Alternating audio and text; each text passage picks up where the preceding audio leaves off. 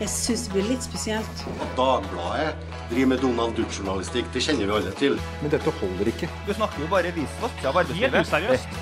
You are fake news. Go ahead.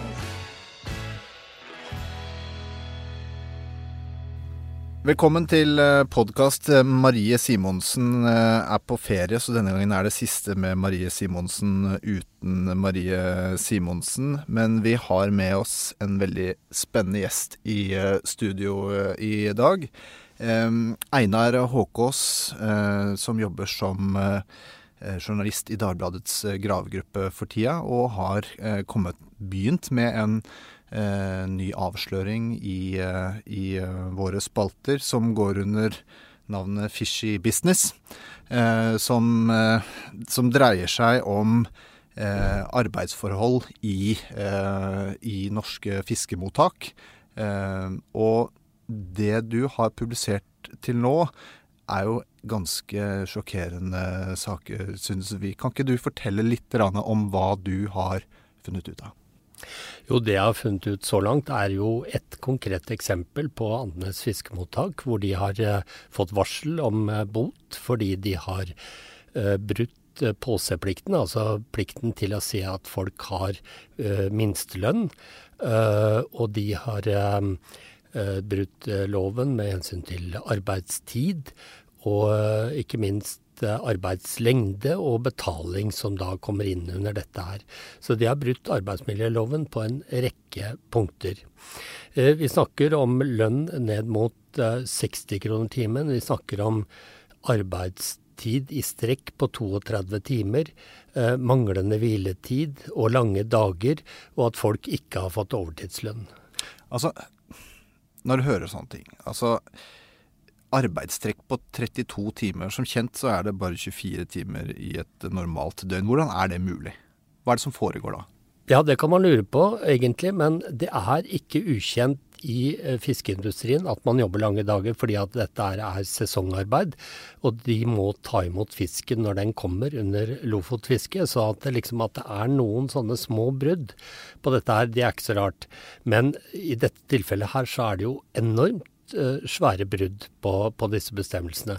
Og når de da eh, egentlig, eh, iallfall sånn som vi har fått oppgitt, at de har flat lønn, dvs. Si ingen overtidstillegg Det var noen som nevnte at de hadde 15% eller noe lignende, eller kroner, uh, i overtidstillegg. Men det er jo bare småtterier i forhold til det som er kravet. Og det er minstekravet i Norge er at du skal ha minst 40% tillegg for overtid.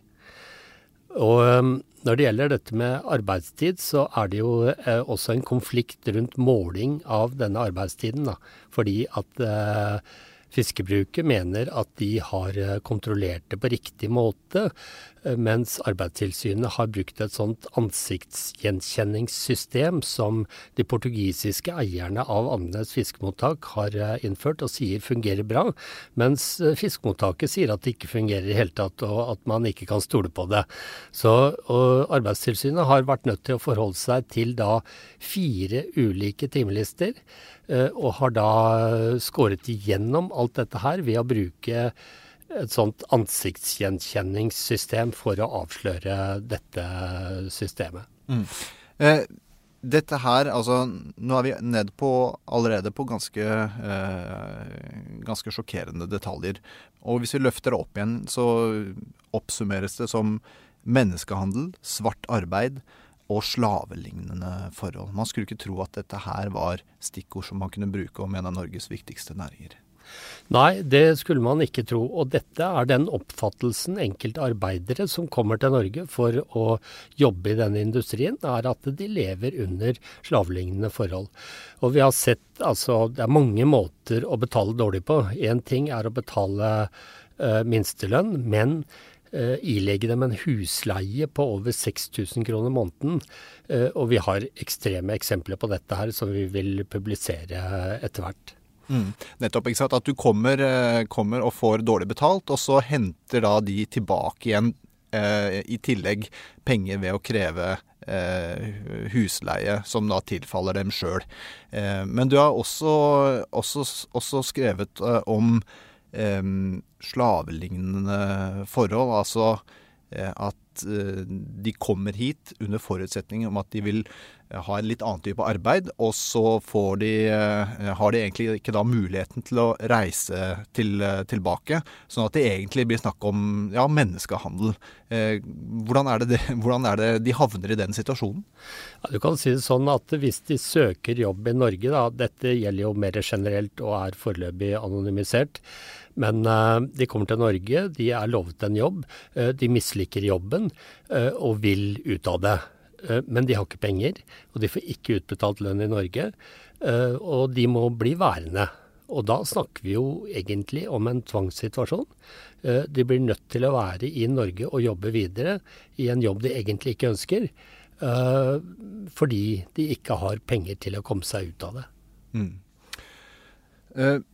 Dette, dette, er jo et sakskompleks som Dagbladet har vært inne på, på tidligere også. Eh, en annen journalist på eh, gravegruppa som heter Gunnar Thornfeldt, eh, mm. vant sammen med flere andre journalister nylig Datascoop-prisen for et arbeid med såkalt snøkrabbesakene, mm. som var et noe beslektet, eh, beslektet område. Du, skal, du, har flere, eh, du, har flere, saker på, på, på, vei. Er omfanget av dette her eh, noe som overrasker deg? Uh, ja og nei.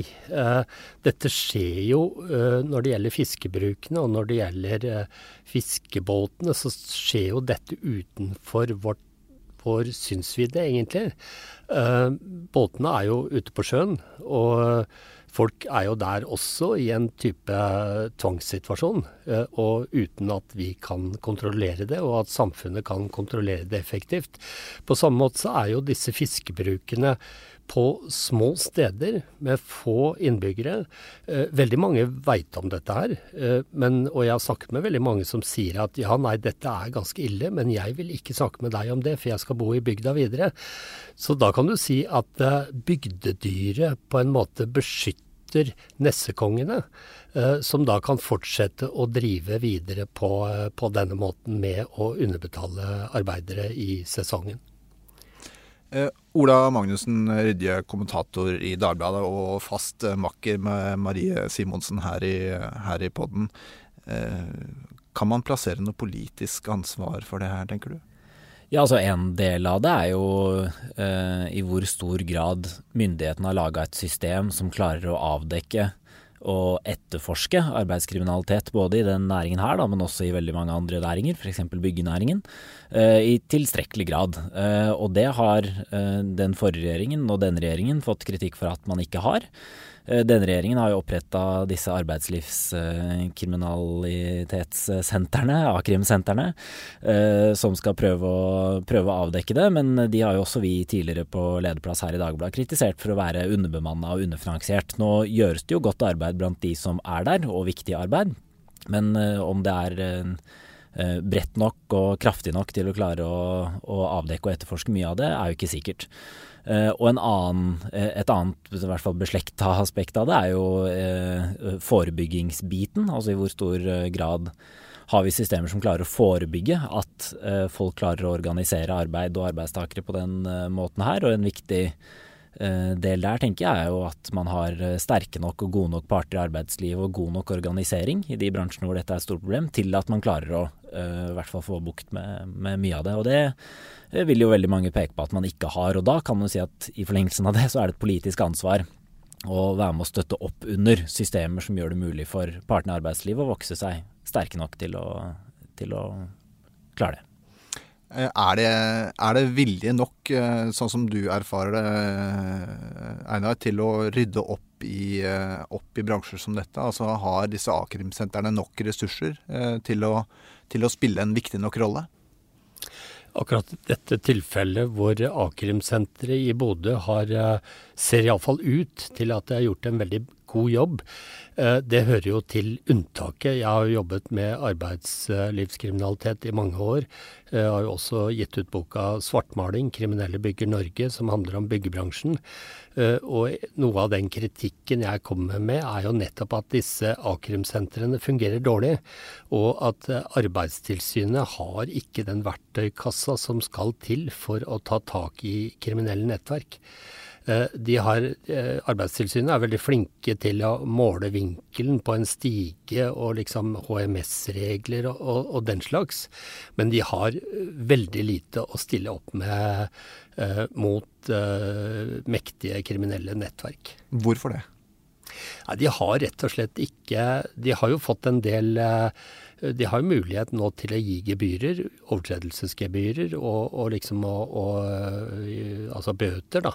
Men de kommer til kort fordi at i forhold til kriminelle nettverk så må man ha veldig kompetent politiarbeid for å kunne ta bakmennene. Eller så ender man opp i en situasjon som veldig mange av a-krimsentrene gjør. For å få gode tall så teller de opp antall arbeidere som har jobba ulovlig i Norge, og så sender de dem ut av landet. Og så sier de etterpå ja, nei, vi har, vi har mottatt veldig gode resultater. Vi har oppnådd gode resultater i år fordi vi har sendt ut så og så mange. Men egentlig er jo det Det betyr jo bare at disse kommer igjen under andre former og med kanskje andre bakmenn.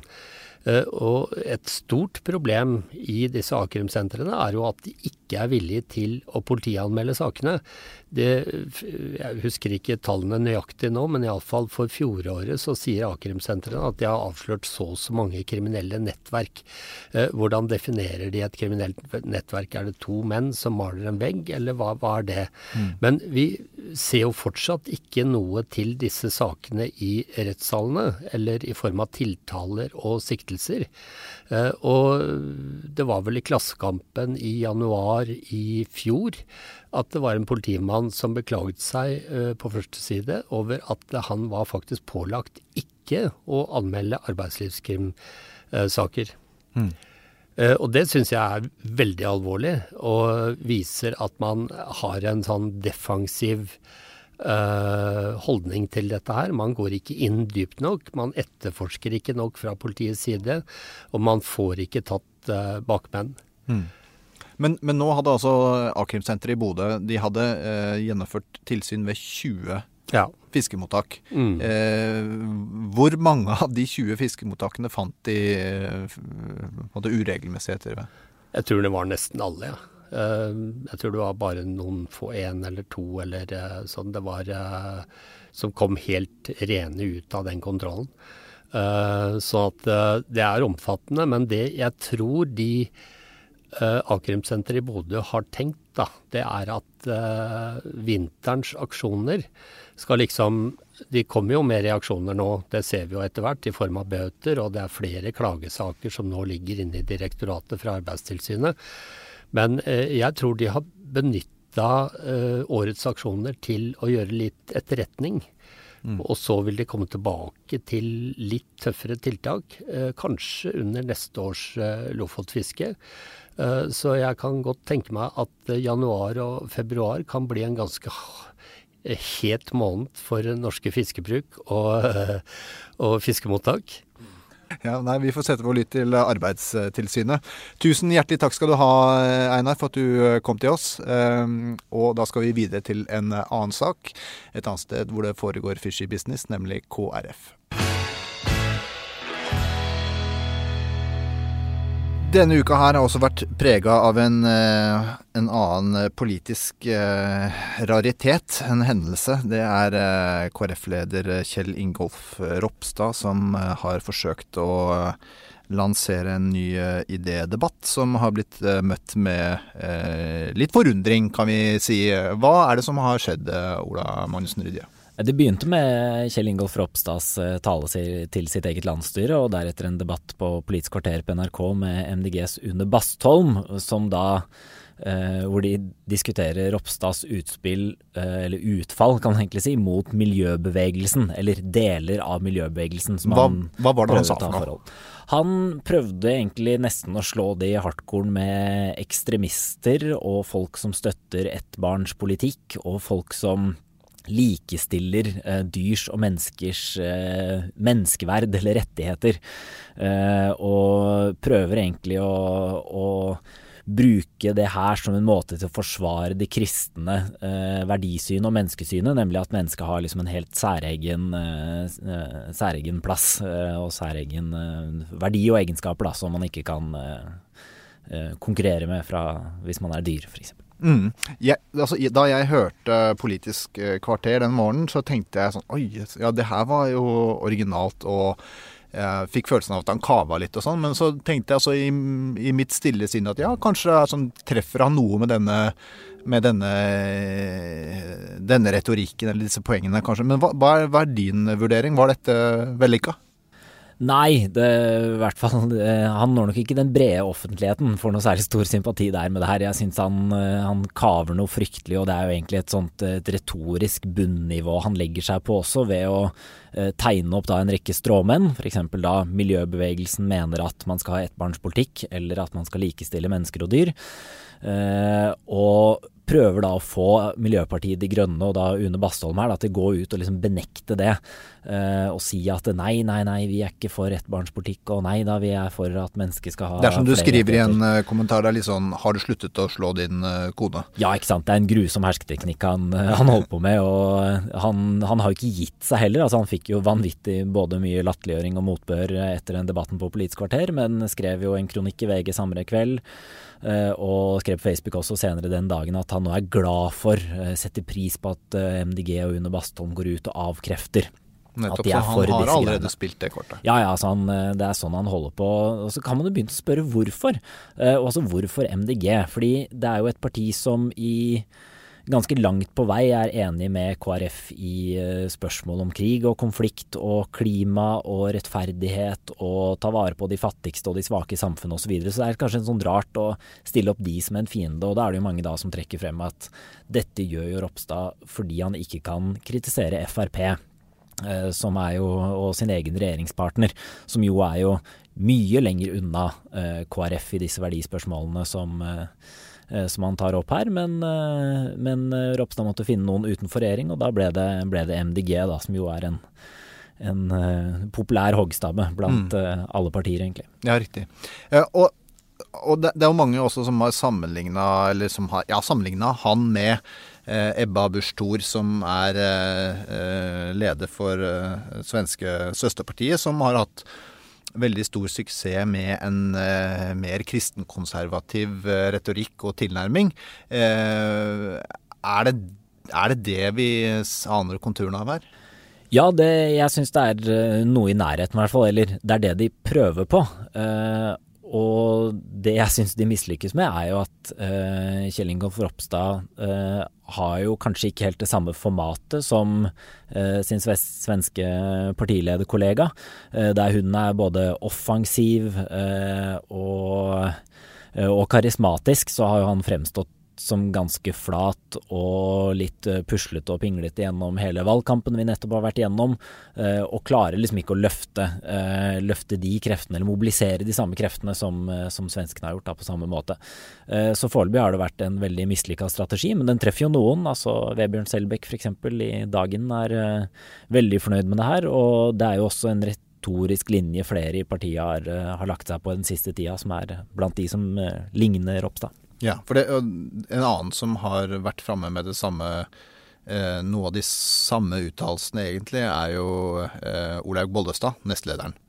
Ja, uh, nå har jeg faktisk ikke lest enn den tittelen, men hun sa jo at det er uh... Ja, at på samme måte at det menneskesynet, altså de som vil sidestille dyrs, uh, dyrs rettigheter med menneskers rettigheter, de, det er på en måte en trussel mot det kristne verdisynet. Eller, ja, hun sa vel at det var den største trusselen mot landbruket, til og med, var det ikke noe sånt? Noe, ja, riktig. Ja, riktig. Ja, hun er landbruksminister.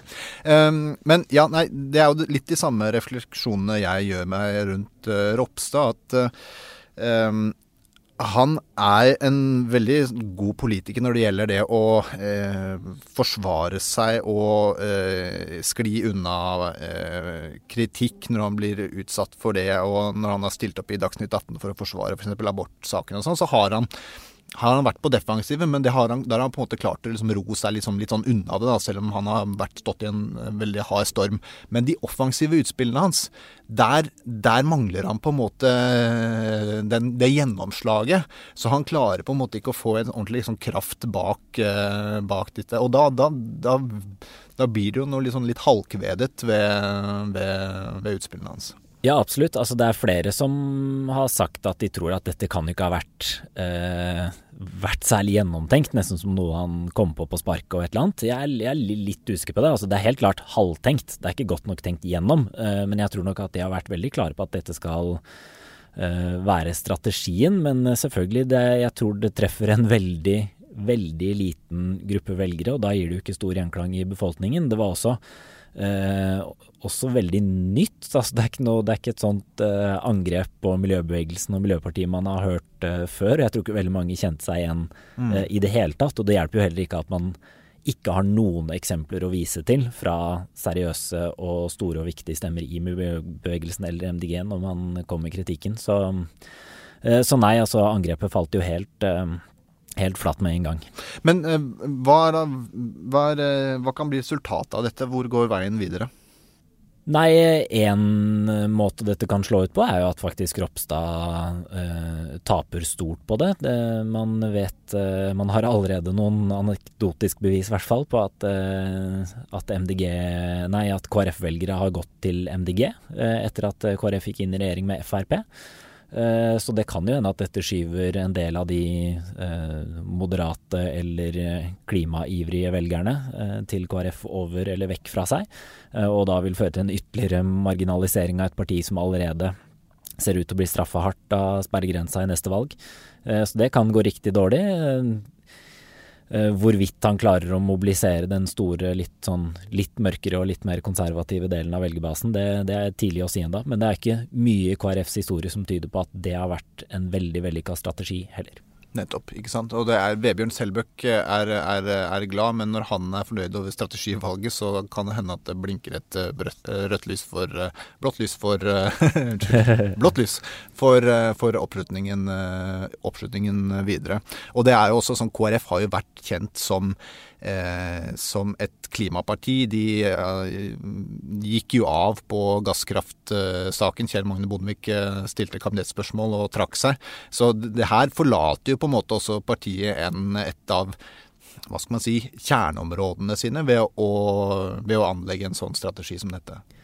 Ja, det, det, kan man absolutt si. Og så kan det jo hende at det er et mål å ikke gjøre KrF så gjenkjennbart som det det har vært tidligere. Da. Så det kan jo hende at Ropstad har et stort behov for å prøve å bryte med det som har vært tidligere, nettopp fordi han vant en betent og tøff strid mot uh, Knut Arild Hareide om uh, kampen om partiets framtid. Så det at han vil prøve å forme det om til noe helt nytt og annerledes, det, det, det kan man jo forstå for å gjøre det til sitt eget prosjekt, men foreløpig ser det ut som at den jakten må fortsette en stund til. Ok, dette her var et uh, lite forsøk på å dekode uh, Kjell Ingolf uh, Ropstads mye omtalte utspill denne uka. Dette var en episode med siste Marie, med Marie Simonsen uten Marie Simonsen. Vi er snart tilbake med nye ekstraepisoder. Følg med.